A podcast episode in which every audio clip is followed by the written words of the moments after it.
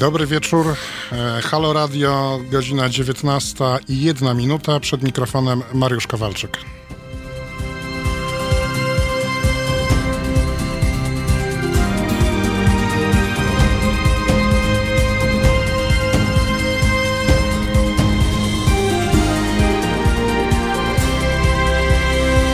Halo Radio.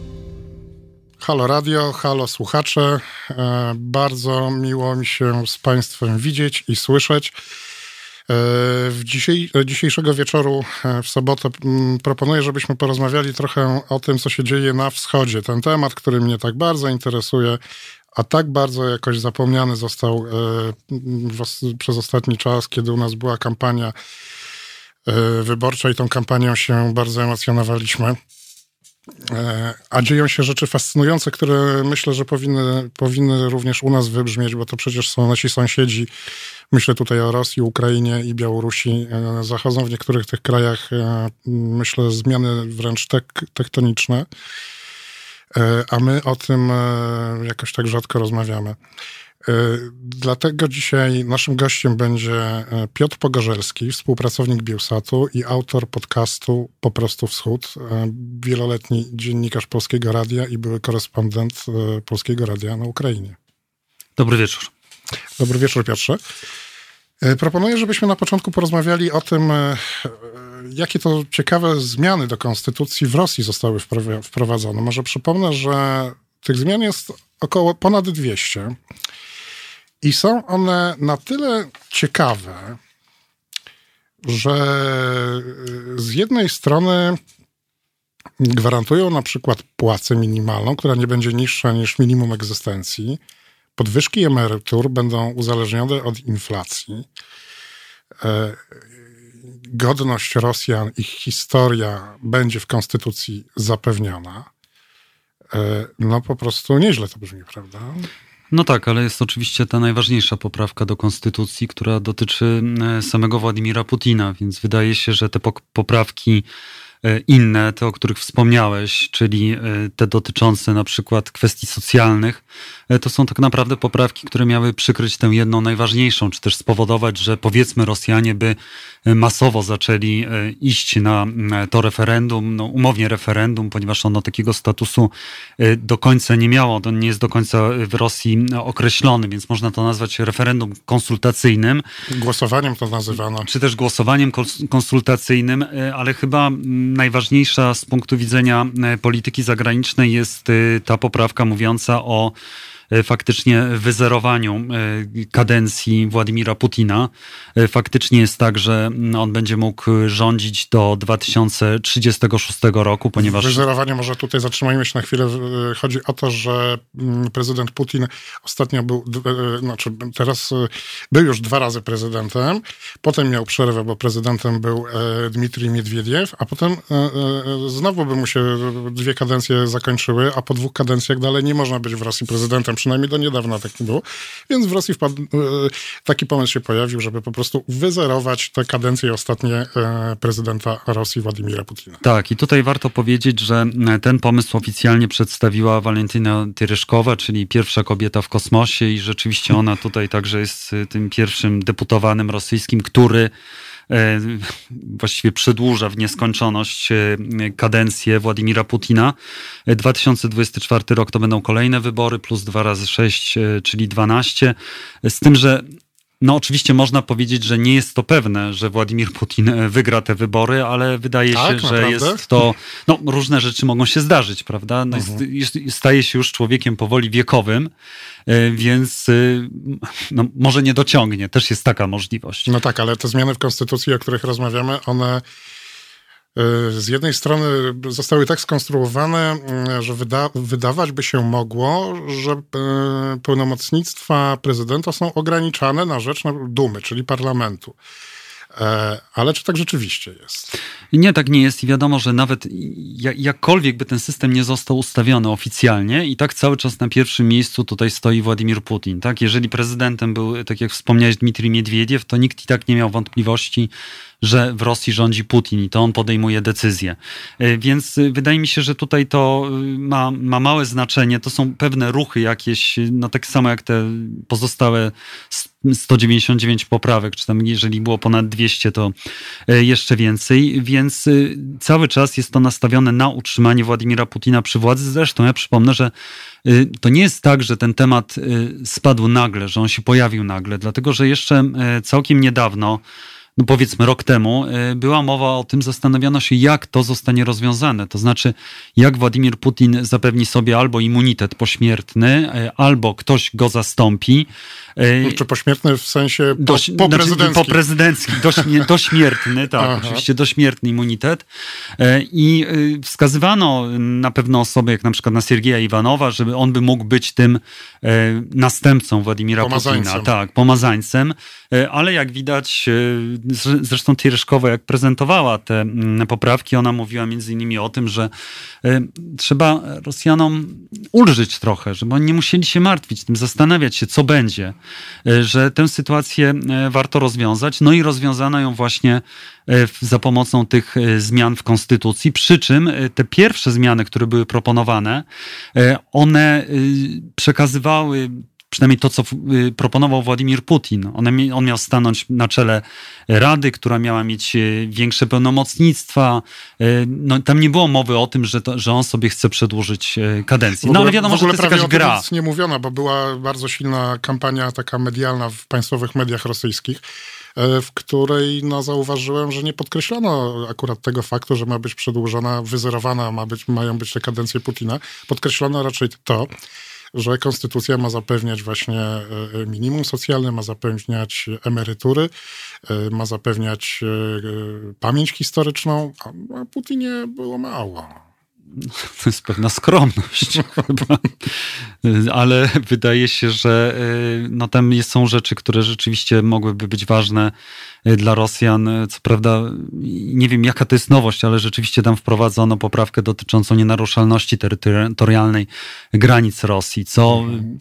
powiedzmy można naiwnie pomyśleć, że to oznacza, że Rosja już się nie będzie rozszerzać, tak? Nie będzie inkorporować jakichś terytoriów. A tutaj chodzi o coś zupełnie A tutaj chodzi o coś innego, to znaczy, że to terytorium się tak naprawdę nie będzie zmniejszać, ale jakby sprawa, powiedzmy, Krymu jest już zamknięta. Tego nie można Y, według rosyjskiego prawa. Teraz tego nie można, e, nie można się temu sprzeciwiać, znaczy nie można mówić, że to jest nielegalne, za to można trafić do więzienia. Więc no właśnie to... tutaj się wtrącę, bo ostatnio w internecie nawet taki fragment z rosyjskiej telewizji krążył, kiedy w rosyjskiej państwowej telewizji występował człowiek z Ukrainy i prowadząca mówi do niego nagle nie będę pana pytała, czyj jest Krym, bo grozi panu za to w tej chwili u nas, gdyby pan powiedział, że to jest e, ukraiński, grozi panu 4 lata więzienia. To jest teraz u nas ekstremizm.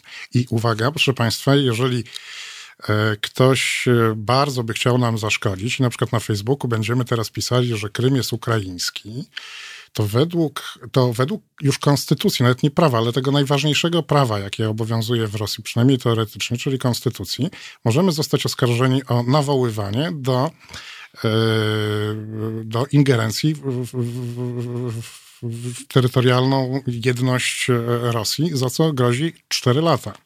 Znaczy można sobie wyobrazić, że obywatel Rosji e, ten post e, udostępnia u siebie na Facebooku, czy też w kontakcie i właśnie za to przychodzi do niego FSB czy milicja, policja e, i go za to zatrzymuje, bo zdarzały się przypadki więzienia czy też kar za posty na Facebooku w Rosji, więc to nie dziwi, a rzeczywiście jeżeli chodzi o ten talk show, to pewnie to było 60 minut i tam Skabiejewa i mhm.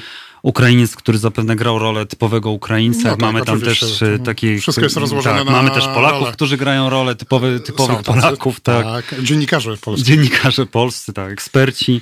E, więc e, no to wszystko, wszystko jakby się, się w Rosji zdarza, ale też warto zauważyć, chociaż może to być przypadek, że także pojawiła się od razu teraz mowa o tym, e, że czy Donbas e, dołączy do Rosji, że takie głosy są, że, że rzeczywiście, ale tutaj rosyjskie władze, przynajmniej Dmitrij Kozak, który jest kuratorem e, tego regionu, twierdził, że czegoś takiego nie będzie, który odpowiada za rozmowy z Ukrainą i wydaje mi się, że jest to po prostu, na razie jest to niepotrzebne. Znaczy dołączenie tych separatystycznych republik byłoby możliwe tylko wtedy, jeżeli by to politycznie było e, korzystne dla Rosji, bo ekonomicznie jest to po prostu bez sensu.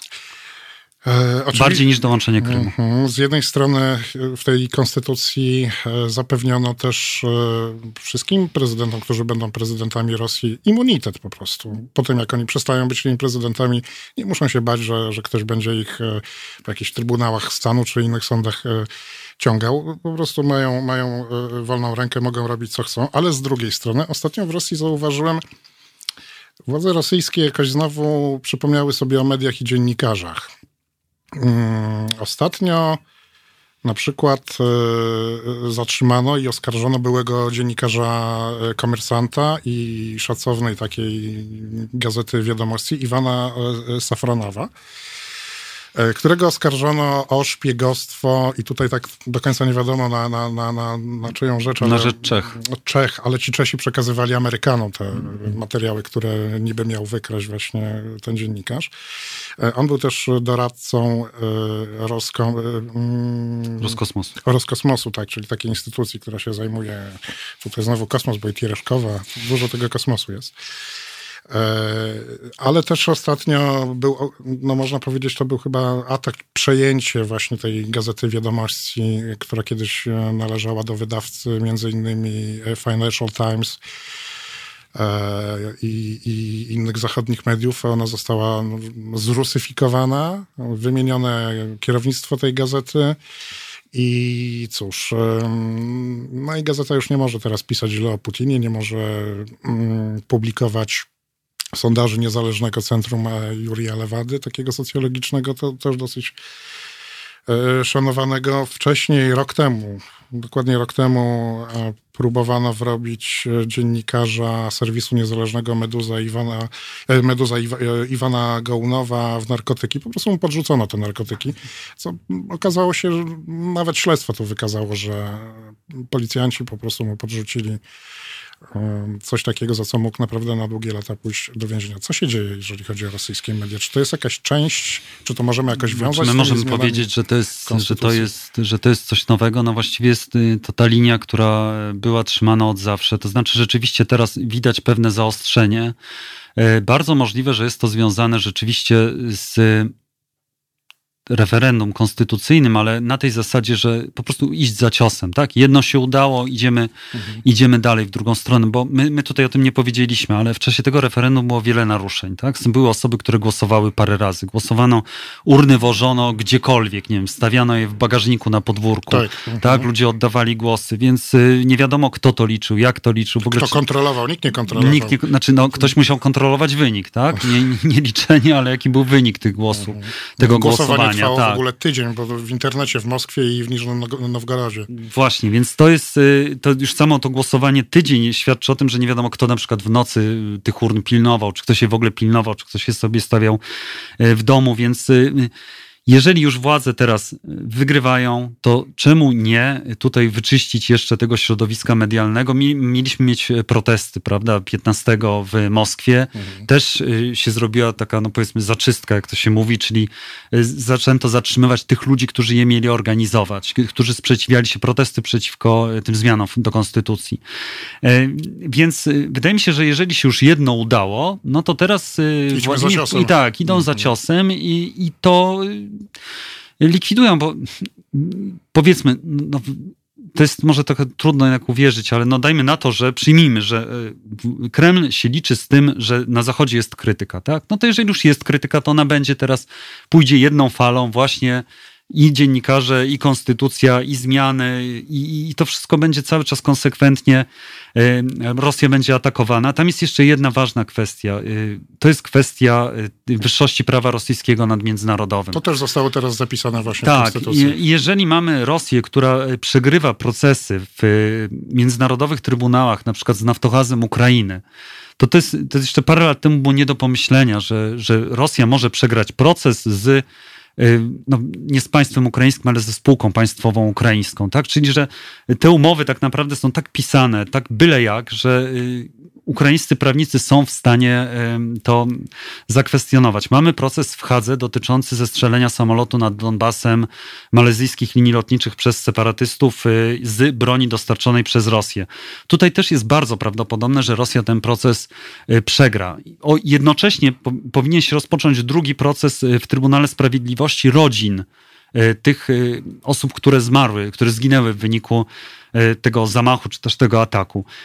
Więc to, to są istotne sprawy i wydaje mi się, że tutaj po prostu Władimir Putin za pomocą tego rodzaju zatrzymań, on oczyszcza pole na wszelki wypadek. Zawsze jest to dobra okazja, tak? Można teraz przy okazji konstytucji e, tutaj jeszcze e, doprowadzić do zatrzymań i, i też przyciszyć te krytyczne media, których rzeczywiście w Rosji nie ma tak dużo, szczególnie jeżeli chodzi o e, telewizję, bo co mamy? Mamy telewizję Doszt y, i mhm. RTVA i właściwie nadającą z zagranicy, e, plus Nastojaście Wremia, czyli tak naprawdę e, Radio Swoboda, w, znaczy, znaczy to, co jest robione za amerykańskie pieniądze, były Radio Wolna Europa, zresztą Radio Swoboda też jest Nastojaście Wremia, to jest raczej program telewizyjny.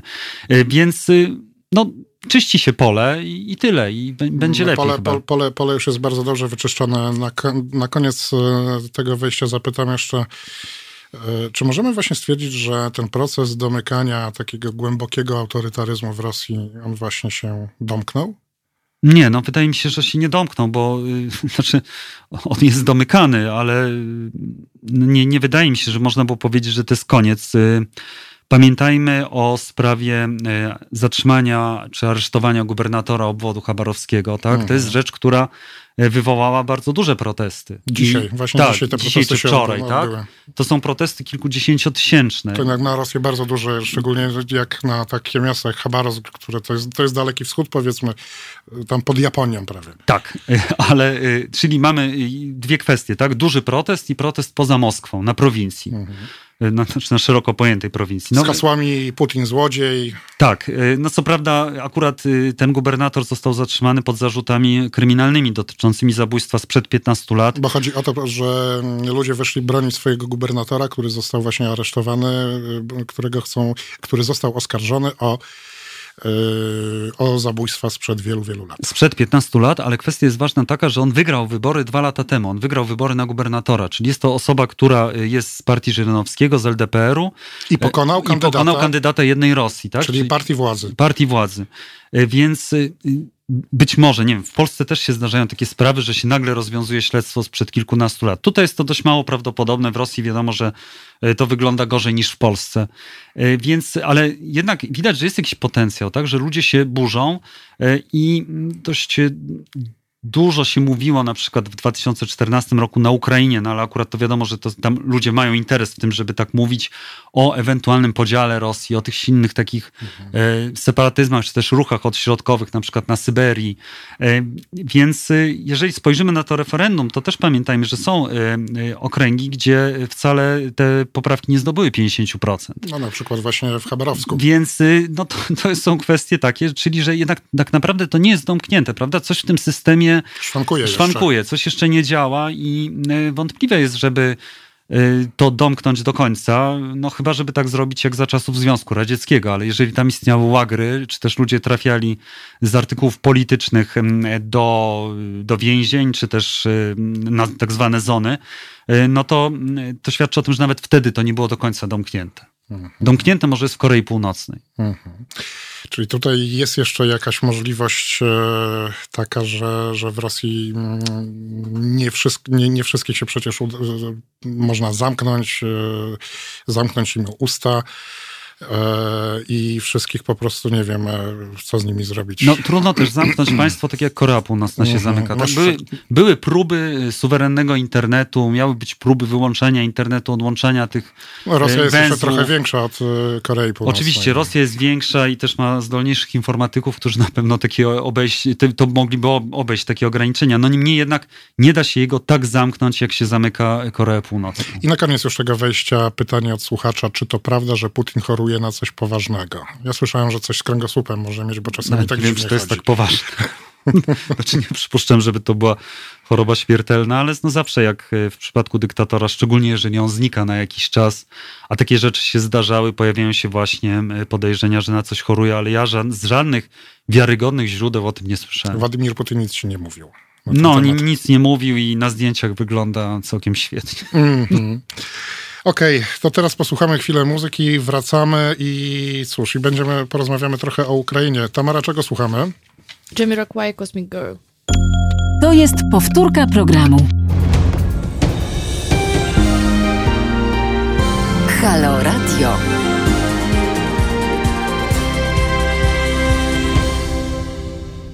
Halo Radio, minęła już godzina 19.25. Przed mikrofonem Mariusz Kowalczyk. Dzisiaj rozmawiamy z Piotrem Pogorzelskim, współpracownikiem Bielsatu i autorem podcastu Po prostu Wschód, o tym, co się dzieje na wschodzie. W poprzednim e, wejściu byliśmy w Rosji, teraz przenosimy się na Ukrainę, gdzie też dzieją się bardzo ciekawe rzeczy, na przykład takie, że e, były prezydent e, Ukrainy, Petro Poroszenko, ma problemy, e, bo jest e, oskarżany o przekroczenie kompetencji w czasie sprawowania urzędu i śledczy uważają, że w 2018 roku wydał przestępcze polecenie, którym zmusił szefa wywiadu Ukrainy do powołania na swojego zastępcę niejakiego Serhija Siemoczki, który, jak ujawnili dziennikarze, ma nieruchomość o wartości 8 milionów dolarów, a jego bliscy mają rosyjskie paszporty.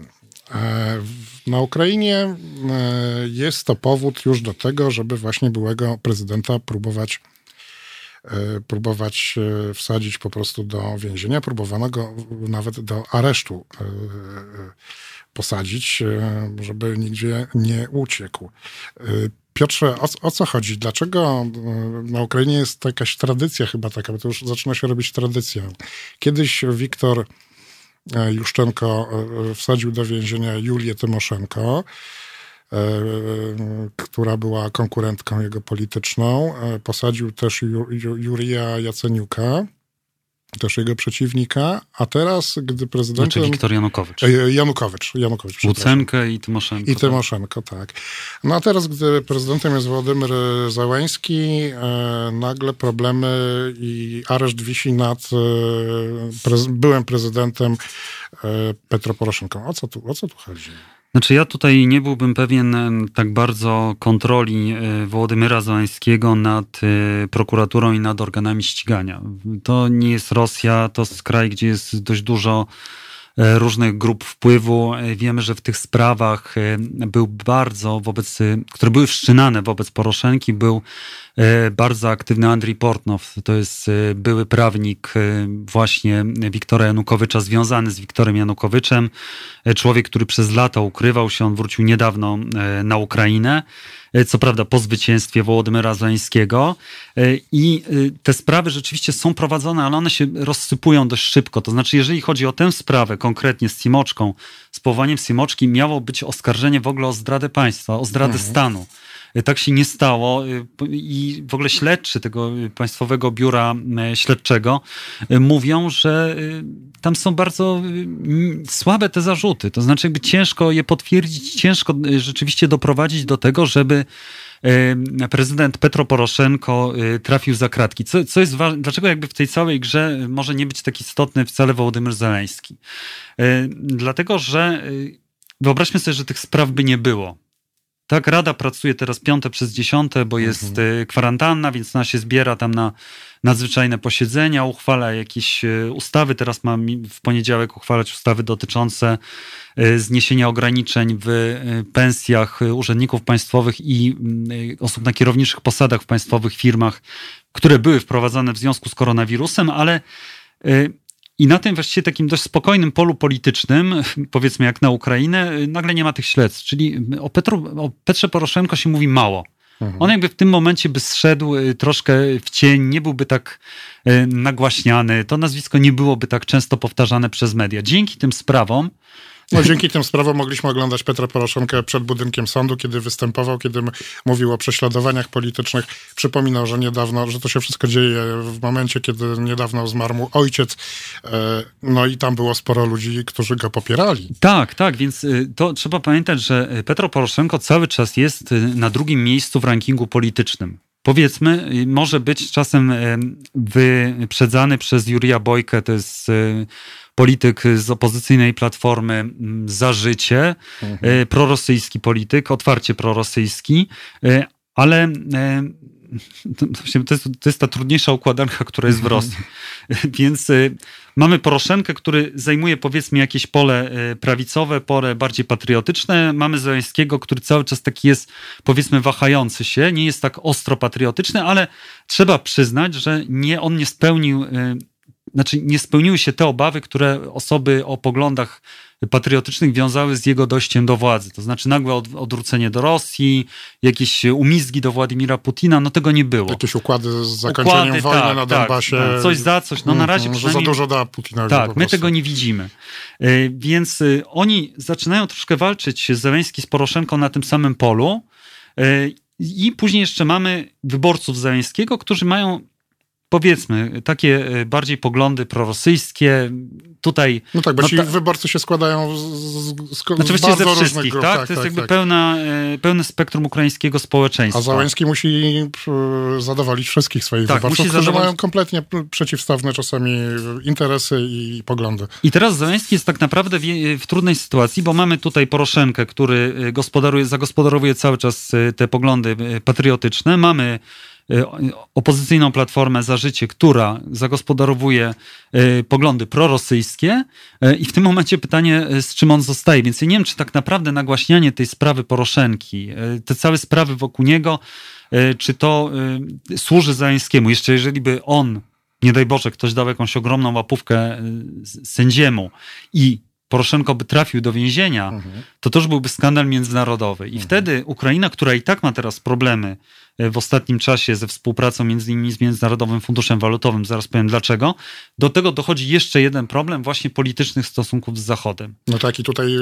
przypomnijmy, może też wypły, wypływają teraz, zaczęły wypływać takie taśmy z rozmów Poroszenki na przykład z Joe Bidenem. E, Poroszenki z Putinem. z Putinem. Znaczy, to tak się mówi, że to jest Joe Bidenem, Poroszenki i, i, i Bidenem, Poroszenki z Putinem, ale tak do końca nie wiadomo, czy te taśmy są prawdziwe, czy one nie zostały e, zmontowane. Mm, No tak, no to jest, y, to y, daje osoba, która zakończyła Akademię KGB w Moskwie, y, de- derkacz, wykształcona. wykształcona w Moskwie, później działała na Ukrainie. Y, Rzeczywiście on te taśmy ujawnia, twierdzi, że to jest y, od dziennikarzy, znaczy od dziennikarzy śledczych, ale jest to bardzo wątpliwe.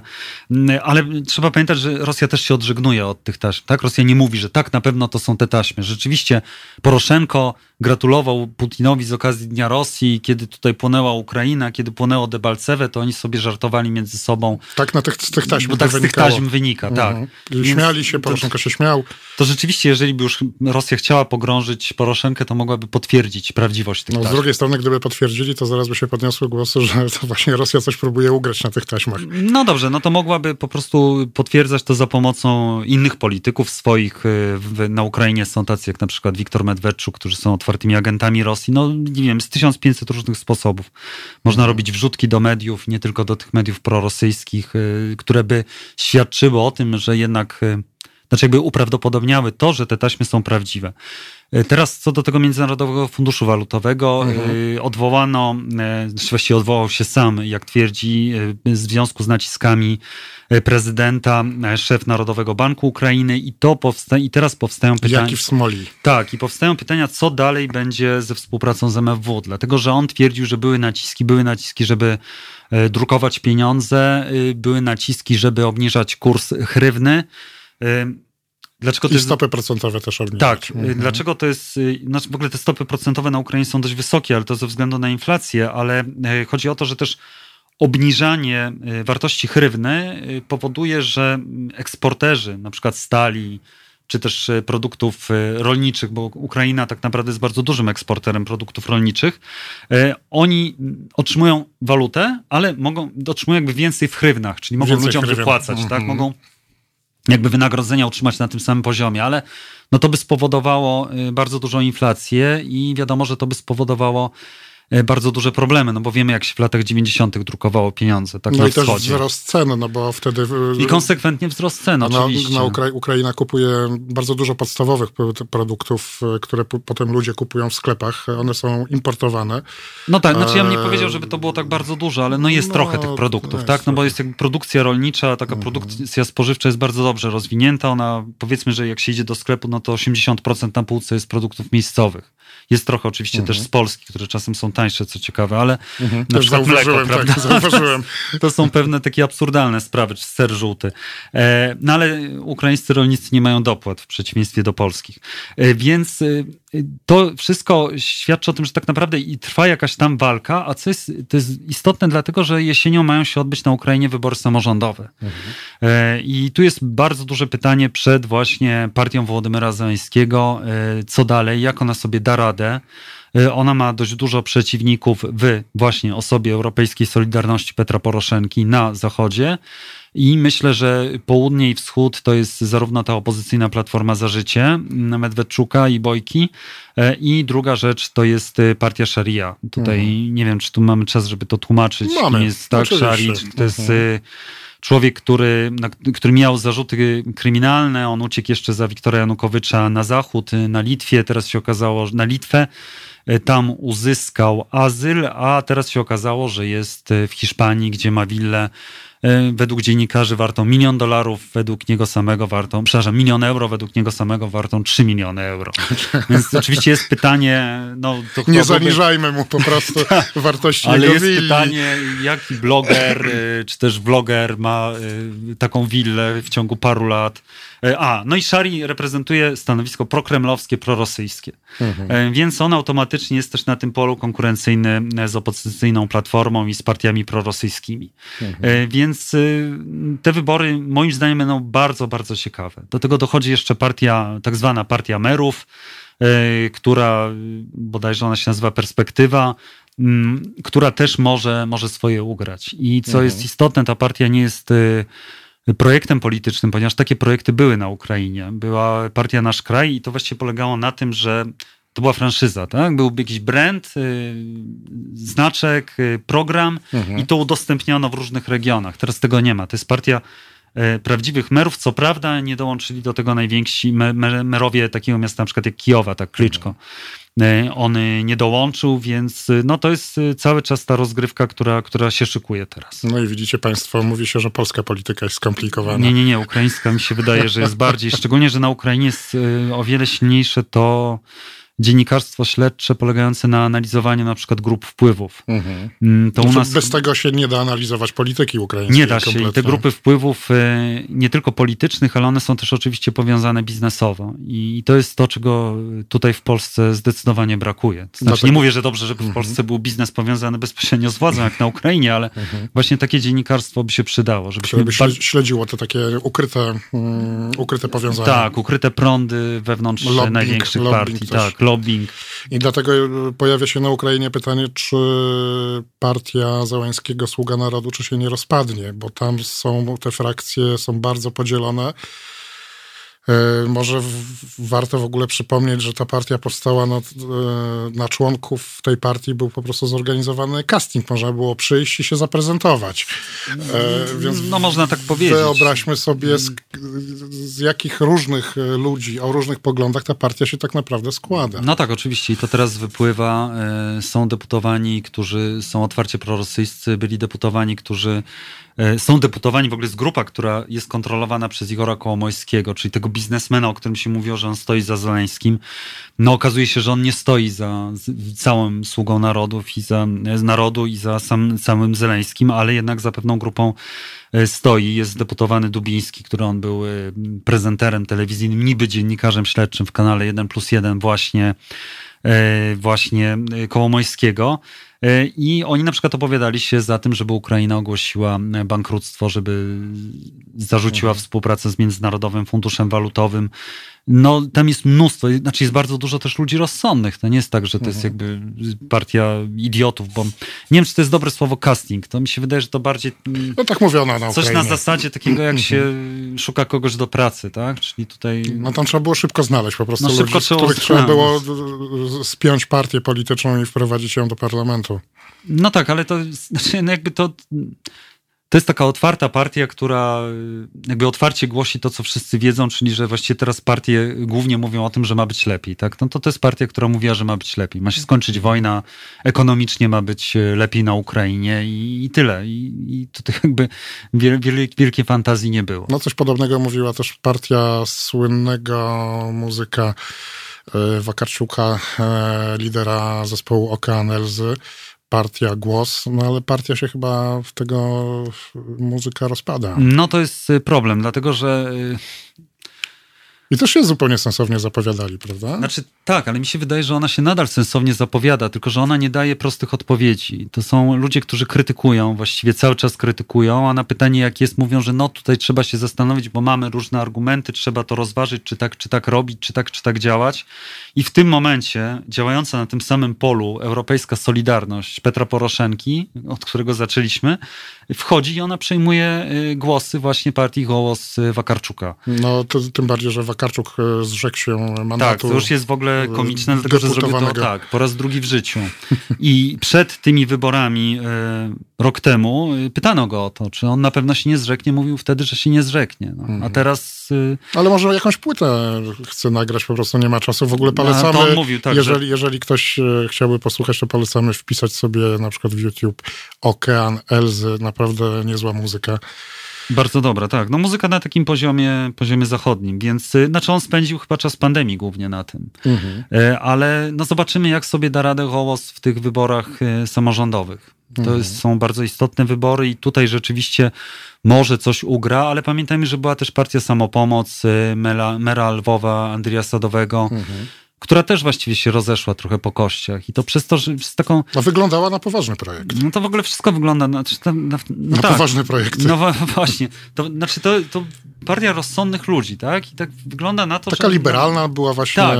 w, Że na tych ludzi taki mainstream, absolutny mainstream, to, to, to partia nie- Sadowego. nie ma miejsca, no tak, taki jak prawda? Bo to Mhm. właściwie jest no, to samo, no powiedzmy brat bliźniak, y, czy też siostra bliźniaczka, więc y, no tego nie wiem, czy, czy to lu- ludzie może chcą wyrazistych kandydatów, no wyrazistych Mhm. deputowanych i nie chcą za bardzo takich ludzi, którzy właśnie mówią, że tutaj no, trzeba pomyśleć, zastanowić się, musimy rozważyć. Nie, trzeba tutaj raz, dwa, znaczy bardziej populizm, tak? Mhm. Oni nie szli w populizm.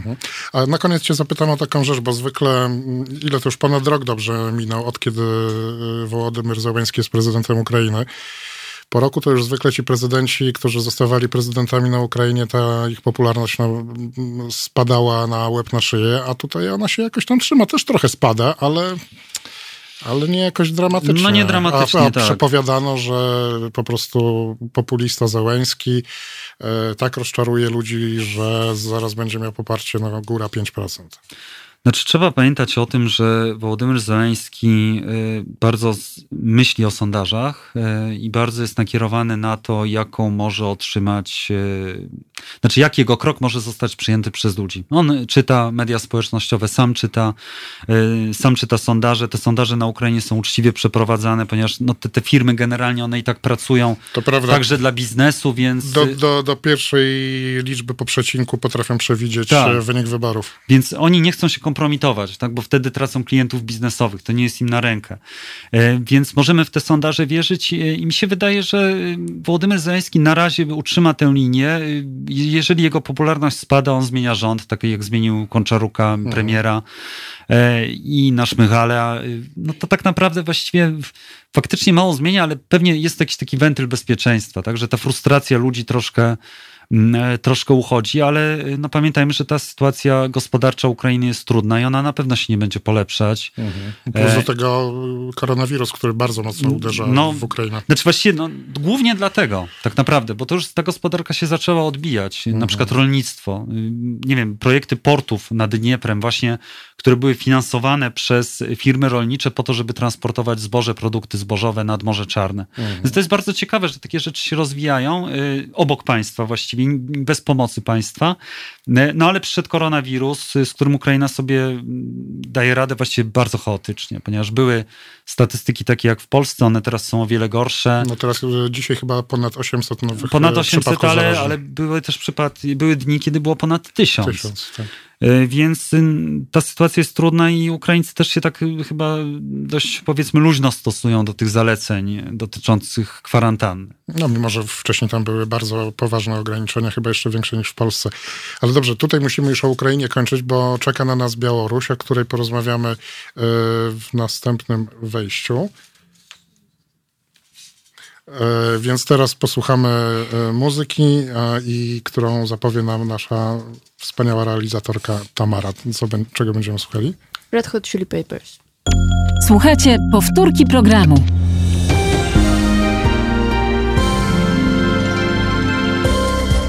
Halo Radio. Pierwsze medium obywatelskie.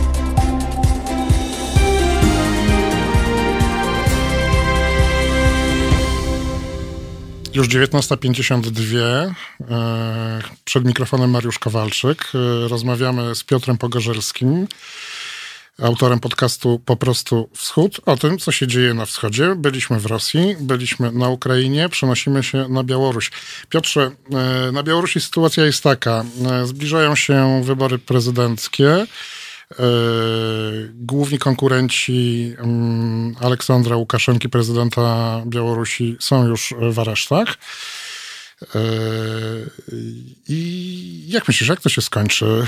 E, Czy, to, czy, czy, czy, czy ten zryw taki, bo ludzie zaczęli protestować przeciwko właśnie aresztowaniu tych konkurentów, wychodzili na ulicę. Popularne jest hasło Sasza 3%, odnoszące się do tego, że prawdziwe poparcie dla Łukaszenki to jest 3%, chociaż to pewnie nie jest prawda. E, I tutaj niektórzy obserwatorzy tej sytuacji mówią, no, że rodzi się jakiś ruch obywatelski na Białorusi, który może tym razem zagrozić Łukaszence. Czy ty się zgodzisz z taką tezą? Myślę, że y, w pewnym stopniu jest to prawda. Y, Znaczy tak, zacznijmy od tego 3%. 3% to jest tyle, ile Łukaszenka uzyskał w sondażu internetowym w portalu Tutbaj. To jest najpopularniejszy portal białoruski. E, Portal dość obiektywnie informujący o tym, co się dzieje. To nie jest portal taki stricte opozycyjny, to nie jest portal stricte polityczny, ale portal, który jeżeli się coś dzieje, to informuje. E, No i potem e, władze zakazały w ogóle organizowania tego rodzaju sondaży internetowych, no bo była dość mocna wpadka z tymi trz- trzema procentami. Chociaż później podobno pojawił się też taki sondaż w gazecie Sowiecka Białorusia. Czyli rząd, rządowym Tak, ale to była gazecie. chyba rzeczywiście dość duża wpadka osoby, która się zajmowała tą stroną, bo tam też było parę procent. Mhm. E, I e, tak, trzeba pamiętać, że do 14 lipca e, te mają być już znani kandydaci. To znaczy wiadomo będzie, kto został dopuszczony przez władze, kto nie został, kto pozostaje w więzieniu, czy też w areszcie. Osób uważanych przez e, środowiska e, obrońców praw człowieka za więźniów e, sumienia, za więźniów politycznych, obecnie jest na Białorusi 25. E, I wśród tych osób, które siedzą w więzieniu jest na przykład Wiktor Babaryka. I to jest Mhm. człowiek, który jest e, byłym bankierem, wieloletnim szefem Bieł Gazprom Banku, czyli tak naprawdę ban- Banku Gazpromu Rosyjskiego. tak, ban- Mhm. Banku Gazpromu Rosyjskiego y, na Białorusi, y, co oczywiście budzi pewne podejrzenia, czy on nie, by- aby nie jest tutaj agentem Rosji, czy nie jest to wrzutka rosyjska, ten cały babaryka z jego y, kandydowaniem. No niemniej jednak y, on jest w więzieniu i wątpliwe jest, żeby władze dopuściły do jego y, kandydowania. Siedzi także znany biznesmen i vloger y, Cichanowski, Mhm. E, To jest też człowiek, który objeżdżał Białoruś, spotykał się z ludźmi, nagrywał ich, dawał im mik- mikrofon, dopuszczał do głosu, pokazywał, że o tym ile zbudowano za wasze pieniądze. I mówił, że już dosyć się karalucha. Tak, dosyć karalucha i apelował, żeby przyjść z, kapciami. kapciami. Tak, żeby tego karalucha po prostu rozbić. No to trzeba przypomnieć, może nie każdy ma karaluchy, większość pewnie nie ma. Karaluch ma wąsy, wąsy ma też y, prezydent Łukaszenka. Tak, takie dostojne bardzo wąsy. Tak, więc y, rzeczywiście y, i teraz mamy zatrzymania tych ludzi, mamy zatrzymania w czasie zbierania podpisów pod te kandydatury. Na przykład dla Babaryki zebrano 400 tysięcy podpisów, to jest bardzo dużo. Y, Co więcej, ludzie stali w kolejkach, żeby się podpisać. e, długo czekali, ryzykowali, że zostaną zatrzymani przez e, milicję czy też przez oddziały specjalne e, i nie ukrywali się. Znaczy oni otwarcie to robili. Podobno jeszcze parę dobrych lat temu było tak, że ludzie gdzieś tam za opozycyjnego kandydata podpisywali, ale nie za bardzo I chcieli się afiszować. razu, tak, tak. i uciekali. Bo naprawdę wysokie kary y, grożą za, jak, jak człowieka zatrzymają i mu przybiją, że coś opozycyjnego tam próbował robić, to naprawdę można trafić na kilka, y, na, na, na jakiś czas do aresztu bardzo Ale nieprzyjemnego jest aresztu. jeszcze inna kwestia. Jest kwestia taka, że 80% białoruskiej gospodarki to są firmy państwowe i w tych firmach państwowych jest politruk. E, Tak jak za czasów komuny. I po prostu można stracić Czyli pracę. można stracić pracę w tej firmie państwowej, co teraz oczywiście jest trudne, ponieważ mamy koronawirusa, jest kryzys, no jest trudna sytuacja. I jeszcze jedna rzecz, o której chciałem powiedzieć dotyczącą właśnie tego, czyli mamy ludzi którzy, zwyczajnych, którzy są gotowi protestować i mamy też y, ludzi takich jak na przykład prezenterzy telewizji państwowej, muzycy, którzy w ogóle generalnie się nie wypowiadali kompletnie o tym, co się dzieje. Ale w momencie, jeżeli jeden z tych prezenterów stał w kolejce do sklepu z y, produkcją ludową, z produkcją, z kubkami, t-shirtami, co prawda tam były też te t-shirty Sasza Sasza 3%, tak? I przyjeżdża milicja i robi tak zwany hapun, czyli łapie ludzi na ulicy stojących w kolejce, to to już było za dużo. I teraz ci ludzie są odsuwani na przykład od prowadzenia, powiedzmy, telewizji śniadaniowej, ale też słowiańskiego bazaru, czyli festiwalu, który na Białorusi jest uznawany za prestiżowy, No to taki, takie opole, opole nasze. Opole, tak.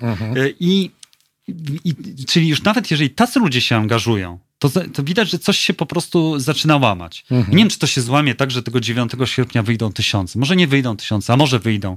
Może będzie pacyfikacja, może jej nie będzie. E, Ale y, świadomość społeczna na pewno się zmieni. Śledzimy zatem e, sytuację na Białorusi, która będzie się rozwijała i pewnie im bliżej tych e, wyborów 9 sierpnia, e, to jeszcze kilka zwrotów akcji zaobserwujemy. Bardzo dziękujemy dzisiejszemu naszemu Dziękuję. gościowi.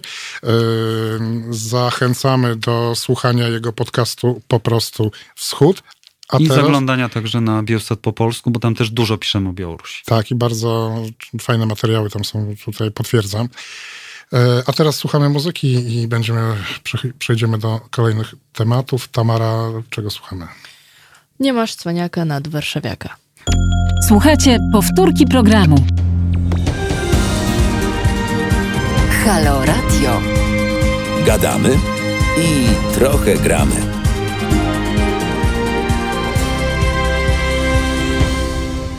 I minęła już godzina 24, przed mikrofonem Mariusz Kowalczyk. E, W drugiej godzinie porozmawiamy, no właśnie, tutaj już widzę słuchacze e, zaczęli poznawać mojego gościa, gościa. Czy to pani Irina? Pyta słuchacz. Witam Państwa serdecznie. Tak, to ja bardzo, bardzo się cieszę, że y, dzisiaj wieczorem będę z Wami, przynajmniej przez y, najbliższą godzinę. E, Ale może jednak nie wszyscy cię pamiętają, więc e, może przypomnę, że prowadziłaś kiedyś e, audycję w Halo Kiedyś Radio. całkiem nie tak dawno. Nie tak dawno, w niedzielę od godziny, dobrze pamiętam, od 13 do 15. Tak, spotykałam się ze słuchaczami Halo Radia w niedzielę w paśmie y, 15-17. 15-17, czyli tak? Y, 13-15, przepraszam. To ja jednak dobrze Tak. pamiętam. Okej. E, Proszę Państwa, ja nie będę ukrywał, że Irina jest moją żoną. Jesteśmy małżeństwem, a zaprosiłem ją tutaj dlatego, ponieważ e, często znajomi nas pytają, jak to jest, bo e, kiedy się mm, żyje, mieszka e, z osobą, która wychowała się w kompletnie innym kraju. Irina wychowała się e, a zdrobniale Ira, więc bo ja się tak do żony zwracam Ira, więc tak będę mówił, e, wychowała się w Rosji. E, Więc postanowiliśmy po prostu Państwu o tym opowiedzieć. Tak? No tak. Rozumiem, że masz do mnie pytanie. To jest pierwsze pytanie. Nie, moje pierwsze pytanie będzie takie. E, słuchaj, z jakiej Rosji ty wyjeżdżałaś, e, kiedy wyjeżdżałaś z Rosji i jechałaś do Polski? I w mhm. którym to było roku? To jest bardzo ciekawe pytanie, dlatego że e, Rosja, z, którą, z której wyjeżdżałam, w niczym nie przypomina obecną Rosję. To, to była końcówka lat 90., dokładnie 90. 1989 rok. W Rosji na lata 90. mówi się lichie 90, czyli y, lata, ciężkie lata, trudne lata, y, piekielnie trudne lata, bym powiedziała y, kiedy wydawało nam się, mm, przynajmniej mi, bo ja wtedy byłam nastolatką, kiedy wyjeżdżałam, że że w tym kraju jest ciężko, było ciężko, jest ciężko i zawsze będzie ciężko. Mhm. I wyjeżdżałam, tak jak powiedziałam, wyjechałam pod koniec e, roku 99 na studia, zaraz po szkole średniej. Skorzystałam z okazji, e, którą dawało i daje państwo polskie osobom młodym, osobom polskiego pochodzenia mm, bo jestem osobą polskiego pochodzenia. Pochodzę z rodziny rosyjsko-polskiej. Moja mama jest Polką, tata, rodzina taty cała rodzina taty pochodzi z Rosji, rodzina mamy to Polacy, którzy, którzy w latach 30., e, dokładnie w 36 roku zostali deportowani, wywiezieni do Kazachstanu Północnego e, z, z dawnych kresów z dawnych kresów, znaczy, tak. Te, akurat tam, gdzie oni mieszkali, oni nie mieszkali w granicach Rzeczpospolitej, ale tuż obok. Tak. W Związku Radzieckim, ale tuż obok. E, tak, i skorzystałam z, z okazji, że y, mając polskie pochodzenie, mogłam y, starać się y, no po prostu mogą, mo, mogą starać się yy, o, studia, o studia w Polsce. Studiować w Polsce. Tak, ale studiować. żeby studiować w Polsce, musiałaś chyba najpierw zdać egzamin, prawda? Musiałam zdać egzamin, tak. Ale wracając do twojego pytania, jaka była yy, Rosja, Rosja z, której, z, której, z której wyjeżdżałam. No więc ta Rosja była, no była dla mnie straszna Rosja, straszna, bo było, yy, to było... Yy, jako dziecko, ale też nie, nie takie małe dziecko. Dobrze pamiętam rozpad Związku Radzieckiego, e, kiedy też wraz z rozpadem Związku Radzieckiego rozpadało się wiele rodzin. E, rozpadało się nie w sensie takim, że, ale również w tym sensie, że e, tak, no, ludzie się, ludzie nie dawali sobie rady finansowo, się rozwodzili, ale też mm, dużo osób popełniało samobójstwo wtedy.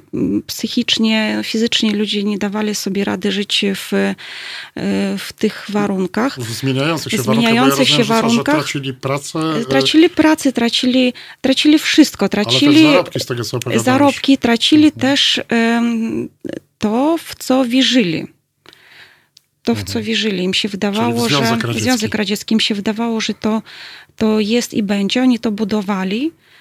I nagle to wszystko się skończyło. wszystko się skończyło, a najważniejsze, że nikt nie wiedział, y, co będzie dalej, jak to będzie, jak to będzie wyglądało.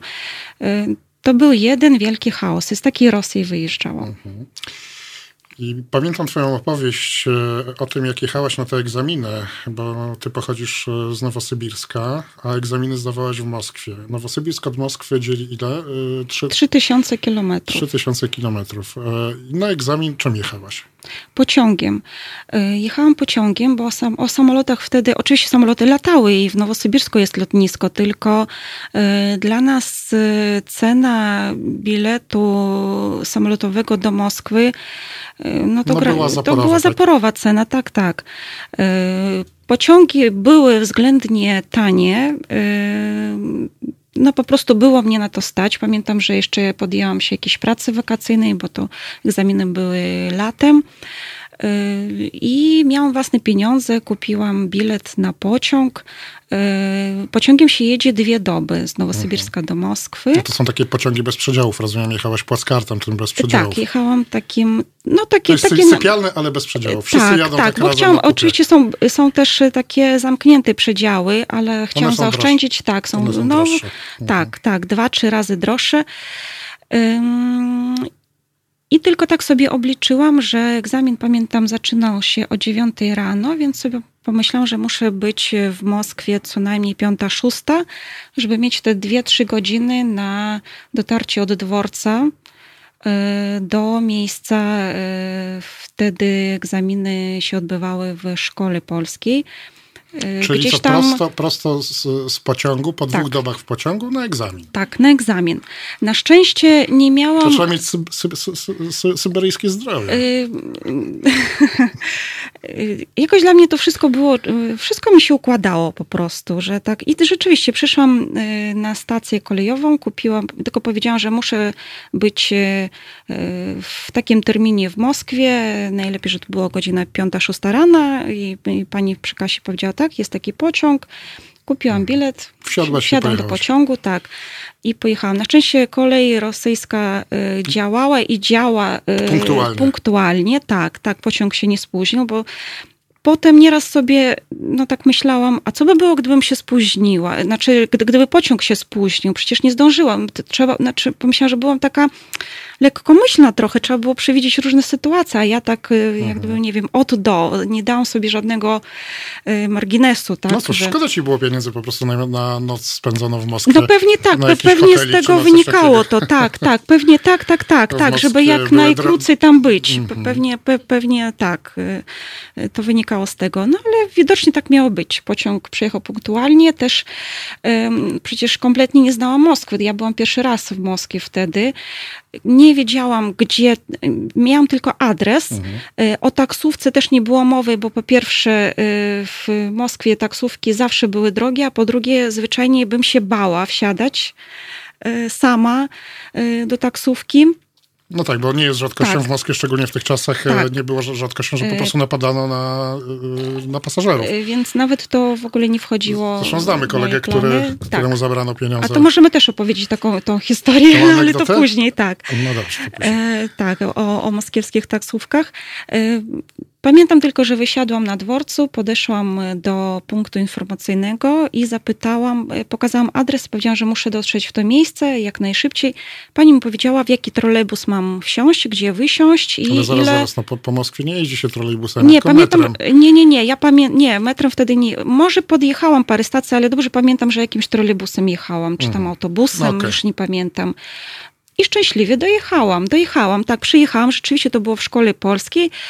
Mm, Były tam już no, dzieci, młodzież w moim wieku, e, kto, większość przyjechała wcześniej, dzień, dwa dni wcześniej, No, bo większość byli- była z Bo rodzicami. byli tak. rozsądnymi ludźmi, a nie tak jak ty od razu z, z pociągu na egzamin. Spali tam w tej szkole, bo były rozłożone łóżka polowe. E, Ktoś tylko mi e, pożyczył miejsce na tym łóżku, żebym mogła, nie wiem, położyć tam swoje rzeczy, rozgościć się i, i przebrać się. Mhm. Tak, to to pamiętam. Taki strój egzaminacyjny, rozumiem, Tak, tak, tak, przygotowałam. wyglądać. Tak, tak, tak, tak, tak. Miałam taki strój egzaminacyjny. E, Przybrałam się i poszłam na egzamin. I, Okej, i nawet go zdałaś chyba. Tak, i nawet go zdałam. Nawet go zdałaś, przyszła informacja, że możesz jechać do Polski, tak? Tak, I tak. przyjechałaś do tej Polski. Tak. E, A to też ciekawe. Jechałam do Polski i myślałam tak.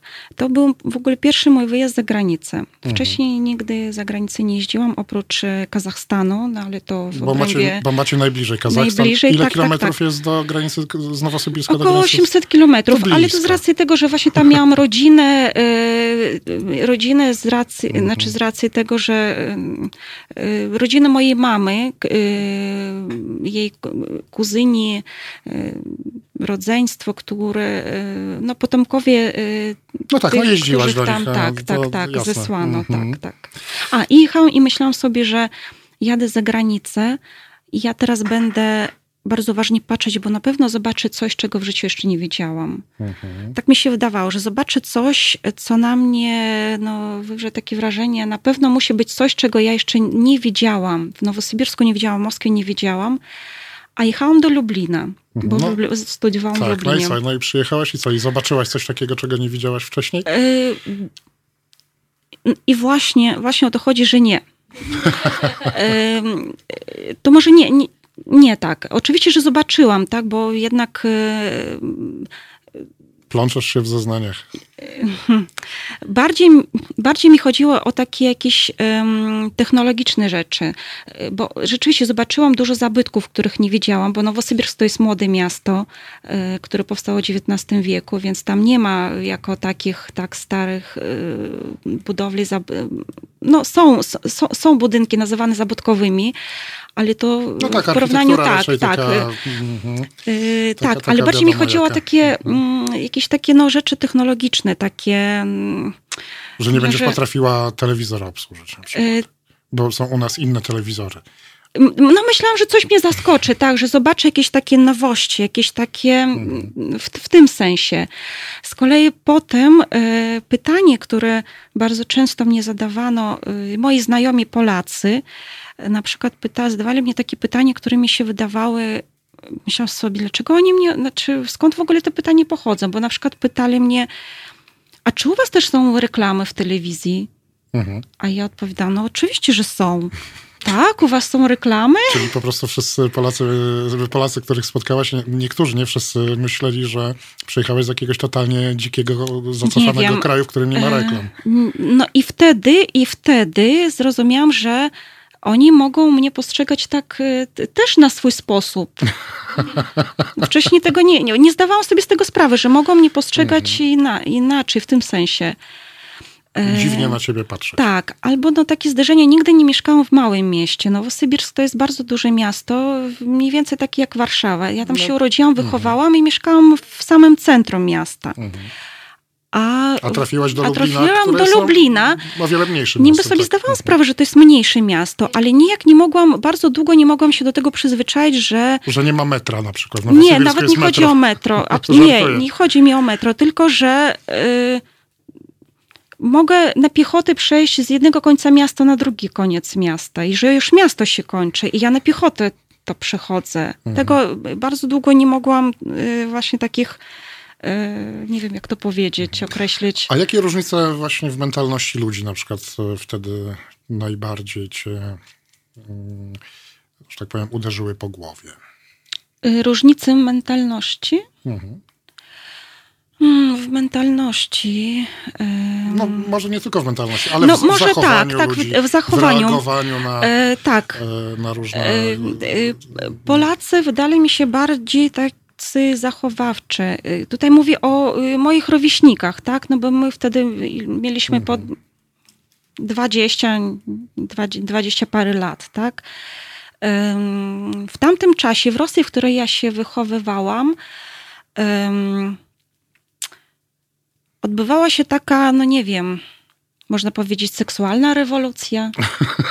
że nagle wszyscy zobaczyli, że wszystko można. Wcześniej nie można było, teraz można i nie było żadnych hamulców. Mhm. Tutaj w Polsce nie, tego, tego już nie było. Znaczy, no pewnie był, nie wiem, może w jakichś tam kręgach był, ale w tych kręgach, w których ja byłam, ja tego nie wiedziałam, że myślałam, Boże, jacy wszyscy są grzeczni. Ale chcesz naprawdę ciągnąć ten temat? Nie wiem.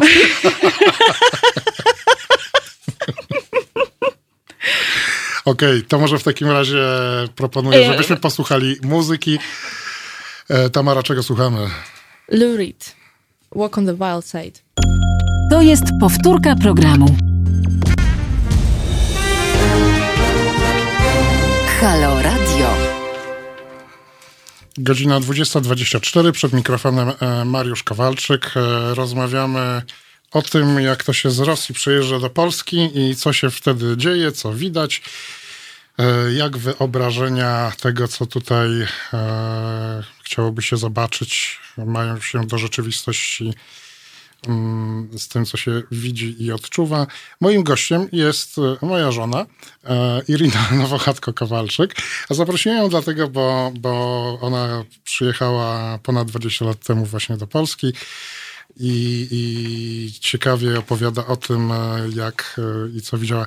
E, Czyli rozumiem, że co, że spodziewałaś się, że przyjeżdża... Aha, przepraszam, chciałem jeszcze tylko cię poinformować, że masz bardzo dużo pozdrowień od słuchaczy, A dziękuję którzy, bardzo, bardzo się cieszę. którzy cię e, pamiętają, jak miło. prowadziłaś programy w Halo Radio. Chciałem cię zapytać o taką rzecz. No i co, przyjechałaś do tej Polski i ty sobie wyobrażałeś, że tu będzie zupełnie inaczej, a co, okazało się, że, że nie jest tak zupełnie inaczej, tak? E, I tak i nie, i tak i nie. Hmm. E, No jednak było inaczej, było, było inaczej. Ym, Było inaczej, no inaczej by Polska nie była Polską. Ale dobrze pamiętam te pierwsze lata moje w Polsce, bo wtedy Polska jeszcze nie była w Unii. Mhm. Y, I pamiętam, y, to, mm, to był mój pierwszy albo drugi rok studiów, y, kiedy odbywało się referendum na temat tego, czy Polska powinna wejść do Unii. Ja jeszcze wtedy nie miałam takiego, takiego no, też rozeznania, stawiałam, można powiedzieć, pierwsze kroki w, w kraju, w tym kraju. Też za bardzo się nie interesowałam polityką wówczas. Bardziej mnie interesowały no, moje, moje osobiste tematy, moje studia, y, akademie, w której miałam mieszkać. To musiał być październik, tak mi się. Nie, nie pamiętam, już nie pamiętam, bo to było no, ładnych parę lat temu. Ale pamiętam ten moment, kiedy szłam ulicą i podeszła do mnie starsza pani, która zbierała podpisy i zapytała mnie, czy. y, Właściwie nie, w tej chwili nie potrafię powiedzieć, y, co to miałyby być za podpisy i co to był za sondaż, ale dobrze pamiętam jej pytanie, czy ja uważam, że Polska powinna wejść do Unii, czy nie. I ona wyraźnie mi sugerowało, że trzeba, trzeba się podpisać, że, że nie. Mhm. No to ja jej powiedziałam, że s- e, pomyślałam sobie, że coś tutaj mi nie gra. Dlaczego Polska by. Ja, przy- ja jechałam na zachód. Mhm. I e, dla mnie tak intuicyjnie czułam, że powinna, powinna, powinna. Że Polska powinna się Tak, integrować z Zachodem. Tak, tak, Mhm. tak. A tutaj ta pani do mnie podchodzi i chce mój podpis i, i sugeruje mi, że mam podpisać się y, Przeciwko. przeciwko, tak. Ale nie miałam zwyczaju, żeby wiedziałam, że ta pani tak bardziej, bardzo emocjonalnie do tego podchodzi i myślę sobie, nie będę z nią tutaj dyskutować, y, bo to nie o to chodzi. Tylko jej wytłumaczyłam, że no niestety ja nie wiem, czy ja mogę w ogóle się podpisywać pod jakimkolwiek, nie wiem, czym Mhm. listą, bo ja nie jestem e, Obywatel- obywatelką, tak, Polski. tak, Mhm. Polski. No to ona się bardzo zdziwiła, bo ja e, po polsku z nią rozmawiałam. E, się zdziwiła, ale chyba, chyba nie wnikała e, dlaczego. No to, to, to taki moment pamiętam. E, A ja z kolei pamiętam, jak już byliśmy w Unii Europejskiej i już się znaliśmy. No i był taki problem z tobą, że, że, że z tobą nigdzie nie można było pojechać. Był taki problem ze mną, tak. Bo ty miałaś właśnie tylko rosyjski paszport, nie byliśmy jeszcze w strefie Schengen Tak. I był tylko jeden kraj, który tutaj w pobliżu, który wpuszczał Rosjan bez wiz i to była Słowacja. Ale i to, to było, Słowacja zaczęła to robić y, też przecież nie tak szybko. Słowacy zaczęli. No tak, to od tak. pewnego momentu było. Tylko pamiętam, że byliśmy gdzieś na Sylwestra, wyjechaliśmy i na pasku telewizji informacyjnej zobaczyliśmy, że od stycznia Słowacja otwiera się to właśnie. Dla Rosjan. Tak, tak. I wtedy ucieszyliśmy się, że możemy pojechać gdzieś e, Za granicę. ta- za granicę. No ale to też było ciekawe, jak podjeżdżaliśmy do granicy słowackiej, jeszcze tam były kontrole paszportów, które no, dla Polaków były z- kompletną, Tak. absolutną formalnością, bo pokazywało się tylko dowód osobisty i jechało się dalej. Tutaj, kiedy my podjeżdżaliśmy i widzieli e, pogranicznicy twój paszport z tym orłem z dwoma głowami, Mhm. e, to od razu, jak to było, musieliśmy od razu zjechać na bok. Na bok, na pobocze, tak. I, i no, trochę tam staliśmy, zanim e, sprawdzali e, moje dokumenty. No to tak kiedyś to chyba za 40 minut sprawdzali, bo to najpierw musieli Słow- Polacy sprawdzić, później Tak, Słowacy. ale wiesz co, dzięki, znaczy dzięki temu ym, ja y, dobrze wiem, co to znaczy, znaczy dobrze wiem, ty też wiesz, bo też wiesz, co to oznaczają zamknięte granice, tak? No dzięki tobie sobie przypomniałem. Y, Dzięki, dzięki mi to sobie przypomniałeś, a wiele, wiele osób, y, y, no, trochę młodszych od nas w ogóle tego nie znają, tak? Mhm. że granice krajów pobliskich mogą być zamknięte i tylko y, jeżeli masz wizę, to możesz tam pojechać, tak? Mhm. Tak samo jak granica z Ukrainą, która dalej istnieje i tam sobie też czasami przypominaliśmy, co to znaczy granica, jak podjeżdżamy na przykład do granicy, chcemy ją przekroczyć, a ludzie nam w kolejce mówią, że trzeba 30 godzin poczekać. No tak. I wtedy przyszedł pan, który zaproponował, że za łapówkę szybciej pojedziemy. Ale e, nie, nawet już nie o tych granicach chciałem mówić, ale pamiętam, że właśnie Mm, Ja w pewnym momencie chciałem cały czas jeździć na wschód, albo do Rosji, albo na Ukrainę e, i ciebie tam ciągnąłem, a ty, ty, ty już byłaś tym zmęczona i dlaczego nie chciałaś ze mną tam jeździć? No ale dzięki temu poznałam Ukrainę. No tak, ale ja się ciebie nie pytam, czy poznałaś Ukrainę, tylko dlaczego nie chciałaś jeździć. Yy, Pytasz mnie, dlaczego ja nie chciałam tam jeździć? Mhm. Znaczy nie, no jeździłeś, tylko no mówię, że... E, To może inaczej.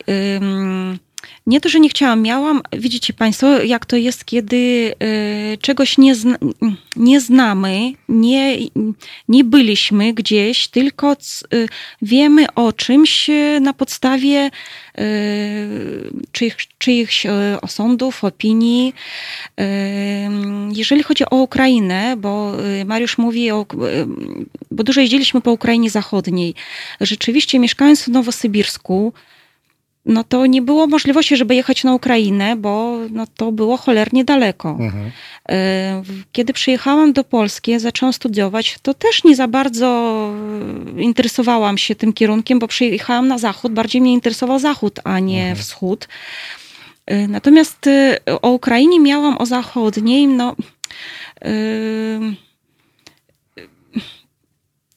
Tutaj trochę historii, tak? Troszeczkę się bałam tej Ukrainy. Bałam się w tym sensie, że.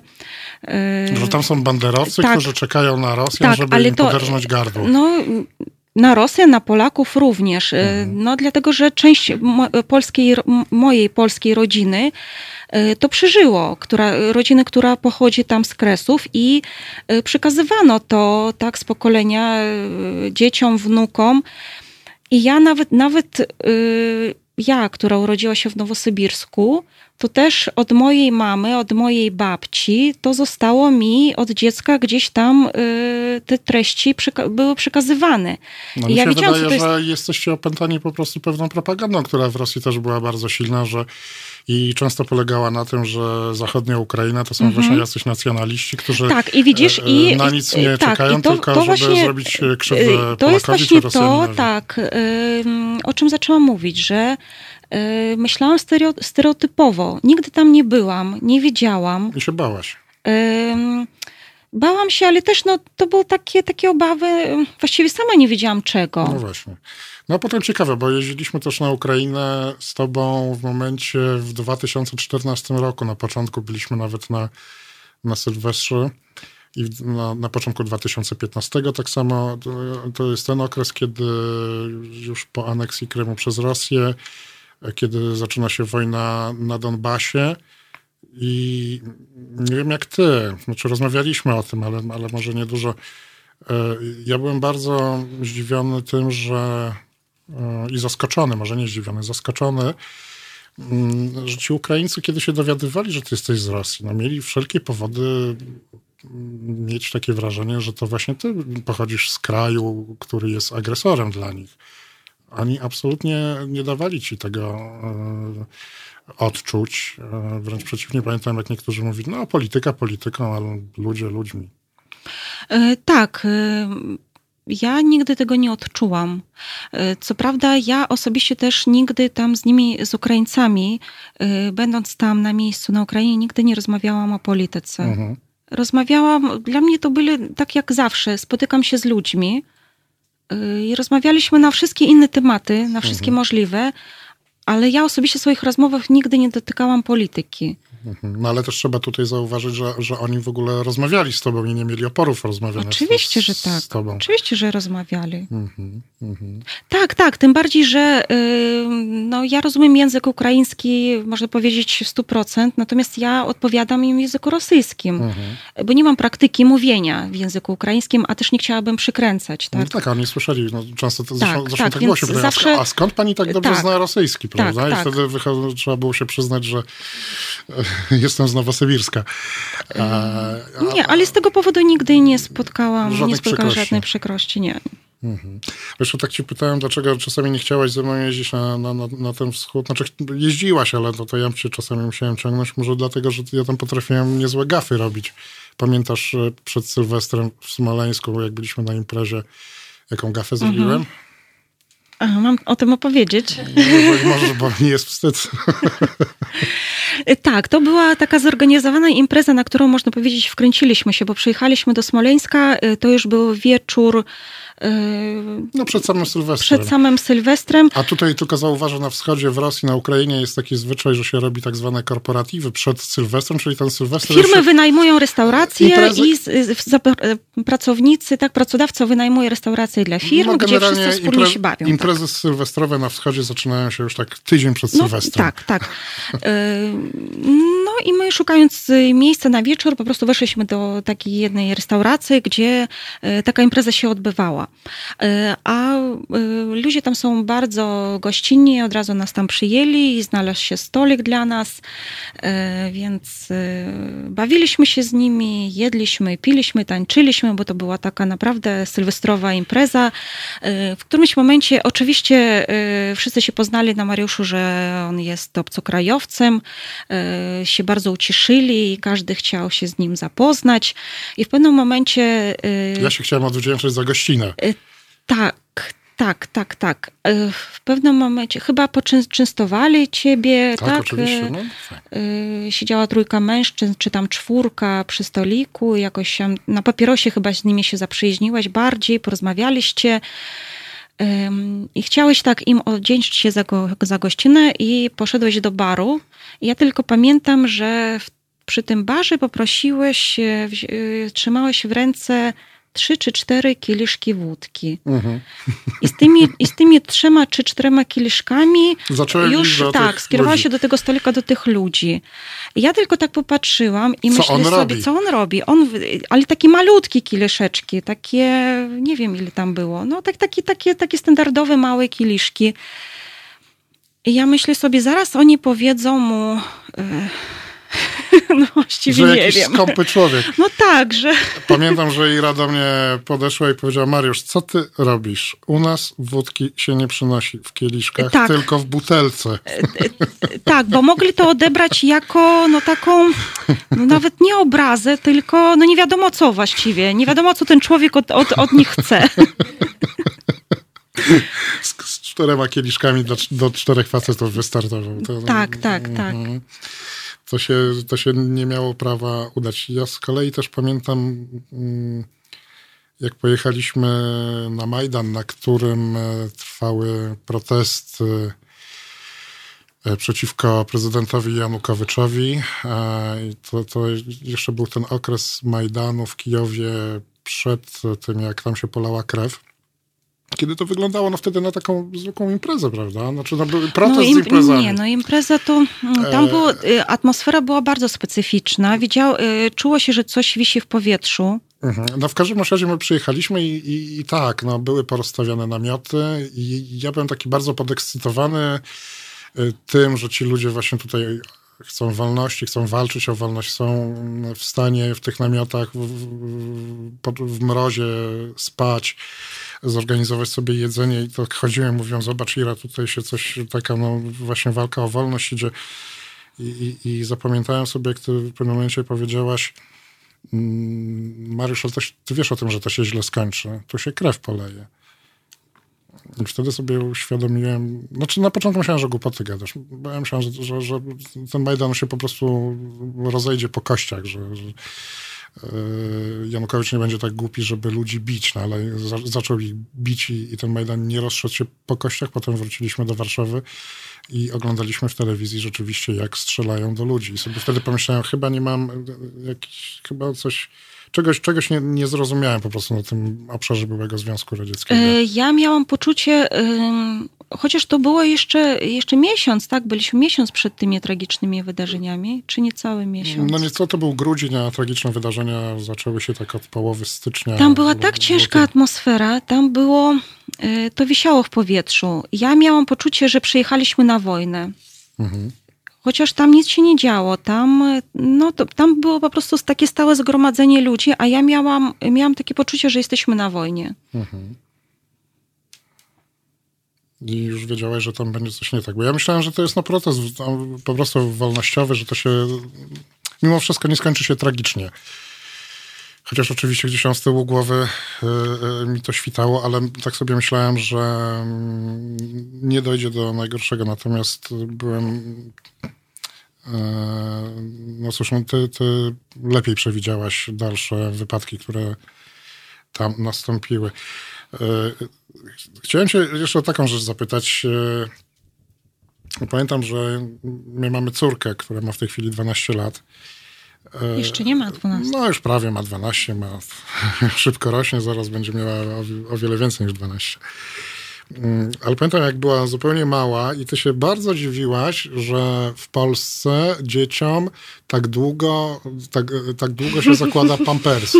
I mówiłaś, no w Rosji to się to szybko idzie, no i dziecko się uczy mm, chodzić bez pampersów i żyć bez pampersów o wiele wcześniej, natomiast w Polsce to tak, tak, tak długo. Tak, ja w ogóle właśnie wracając y, do jedno, pierwszego pytania na początku, które mnie zadawałaś, co mnie dziwiło, to, to teraz w związku z tym, tym pytaniem też sobie przypomniałam, to takie za długo, y, być może właśnie to się zaczyna od etapu, od etapu y, pampersów, że dzieci, y, tak, tak, ale od, po kolei może. Y, Tak, to prawda, że mm, to było takie zderzenie, że dwulatek chodzi w pampersie. W Rosji niemożliwe. No to jest no raczej, no, Do lekarza by z dzieckiem no poszło. nie do lekarza, ale no to tak jakby y, y, pozbawiać dziecko tak uczenia się, y, opa, op, opanowywać swojego, no nie wiem, bo- no właśnie, za, y, jak gdyby nie wierzymy w te dzieci, Mhm. a już roczne dziecko potrafi sygnalizować o swoich potrzebach fizjologicznych. No, y, tak, to, to, to zdecydowanie za długo. Ale wracając, wracając do tego, co chciałam jeszcze powiedzieć, to, co mnie uderzyło w pierwszych, może w pierwszym roku mojego pobytu w Polsce, że y, w Rosji dzieci kończą szkołę, młodzież zdaje pełną maturę w wieku 17 lat. Mhm. Yy, I kiedy się dowiedziałam, że yy, tutaj 19-latkowie, 18-latkowie chodzą do szkoły, do takiej szkoły szkoły, Mhm. to ja nie mogłam tego zrozumieć. Dla mnie to było no, taki duży, wrośnięty chłopak, a to jeszcze uczeń szkoły, no, już tak liceum, ale to wciąż szkoła to nie są studia, to nie jest e, tak, nie jest technikum, czy tam nie wiem. Kolejny etap edukacji, o tak. Mhm. E, Teraz już się do tego przyzwyczaiłam, że ten etap edukacji, tak, że trwa o dwa lata dłużej, że y, dzieci wychodzą w świat, tak naprawdę młodzież, no, Później, są się, trzymane pod tym kloszem takim. później się usamodzielniamy tutaj w Później, Polsce. tak, tak, Mhm. tak, ale to bardzo mnie to dziwiło i w ogóle mi to nie pasowało. Tak, tutaj pytanie już drugi słuchacz zadaje, rozumiem, jest bardzo ważne. E, Jak, jak, jak, jak to się skończyło z tymi kieliszkami? E, Już odpowiadam. Ja odpowiem. Ja pamiętam, jak się skończyła. Może nie. E, Skończyło się tak. Rzeczywiście przyszedł z tymi tam, trzema czy czterema kieliszkami, ale potem zaraz pobiegł do baru, już przyszedł z butelką. E, Ta butelka została wypita. E, mm, No, Mariusz, No, potem- wtedy już trzeba było wracać do hotelu i tylko ten. E, Ten jego kolega poznany, do którego właściwie, do którego towarzystwa on szedł z tymi e, kieliszkami e, wódki, tylko pamiętam, że nam powiedział, dobrze, to teraz wracajcie, a pili, pili wcześniej, zaczęli pić wcześniej, wypili to wszystko i oni tam jeszcze zostali.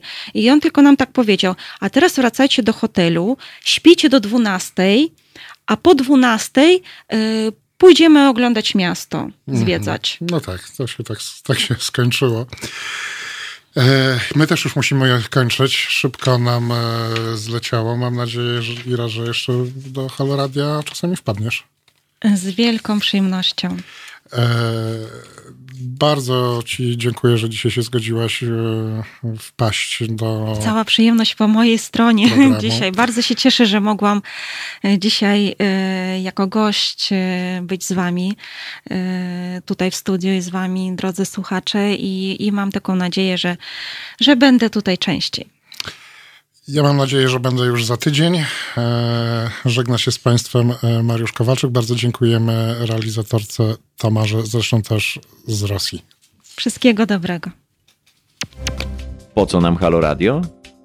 Gdyby przez ostatnich 30 lat większość mediów nie układała się z politykami, to nie bylibyśmy potrzebni. Już dawno temu media zapomniały, że powinny być dla ludzi, a nie po to, żeby wspierać konkretnych polityków. Halo Radiu wierzymy w etos pracy dziennikarza oraz w to, że media nie mogą opowiadać się za jakąkolwiek partią ani politykiem, ani schlebiać waszym prywatnym politycznym sympatiom. Jesteśmy od tego, żeby patrzeć politykom na ręce. Każde odpowiedzialne medium powinno mówić o politykach wyłącznie wtedy, gdy sprzeniewierzają się zasadom współżycia społecznego, prawom obywatelskim czy demokracji. Jeśli polityk pracuje dobrze, to nie mówimy o nim, bo przecież robi dokładnie to, czego od niego oczekujemy, za co mu płacimy.